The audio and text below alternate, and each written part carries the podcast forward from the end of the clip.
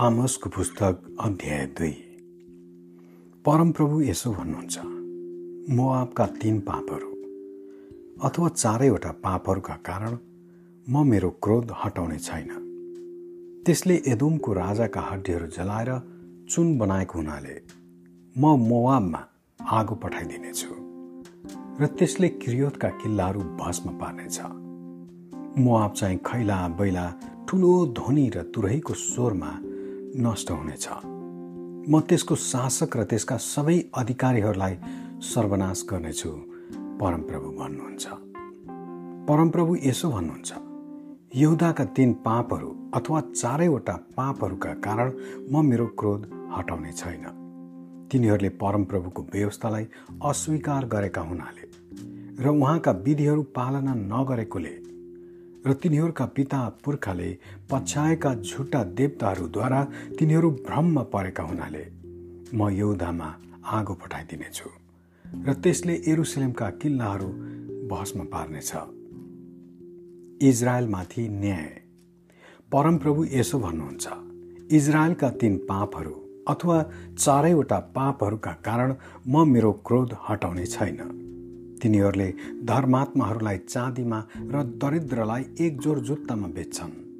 तिनीहरू गरिबहरूका टाउकामाथि भूमिको धुलोमा गरे झैँ कुल्चन्छन् र पीडितहरूको न्यायलाई नामन्जुर गर्छन्।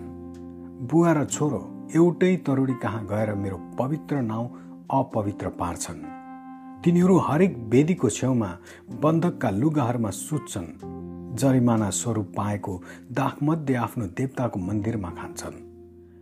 मैले तिनीहरूका सामुबाट एमोरीलाई सर्वनाश गरिदिएँ जसको अग्लाई देवदारूको र बल चाहिँ फलाटका रुखहरूको जस्तै थियो।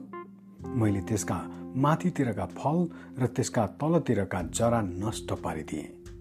एमोरीहरूको देश तिनलाई मैले तिमीहरूलाई मिश्र देशदेखि निकालेर ल्याएँ र मरुभूमिमा चालिस वर्ष डोराएँ। त्यसबाहेक मैले तिमीहरूका छोराहरू मध्येबाट अगमवक्ता र तिमीहरूका जवान मानिसहरूबाट नाजरीहरू खडा गरे। हे इजरायलका मानिसहरू हो के यो कुरा सत्य होइन? परमप्रभु भन्नुहुन्छ तर तिमीहरूले नाजिरीहरूलाई दाखमध्ये पिउन लायो र अगमवक्ताहरूलाई अगमबाडी नभन भनी आज्ञा दियो। हेर त अब म तिमीहरूलाई अन्न भरिएको गोडाले किचे झैँ किच्नेछु। बेगसित दगुर्नेले उम्कन पाउने छैन र बलियाले आफ्नो बल प्रयोग गर्न सक्ने छैन। न त शक्तिशालीले आफ्नो प्राण बचाउन सक्नेछ। धनु चलाउने खडा हुने छैन र फुर्तीसित दगुर्नेले आफैलाई बचाउन सक्ने छैन। न त घोडामा सवार हुनेले आफ्नो प्राण बचाउन सक्छ। सबैभन्दा साहसी योद्धाहरू पनि त्यस दिन नाङ्गै भाग्नेछन्। परमप्रभु भन्नुहुन्छ। आमेन।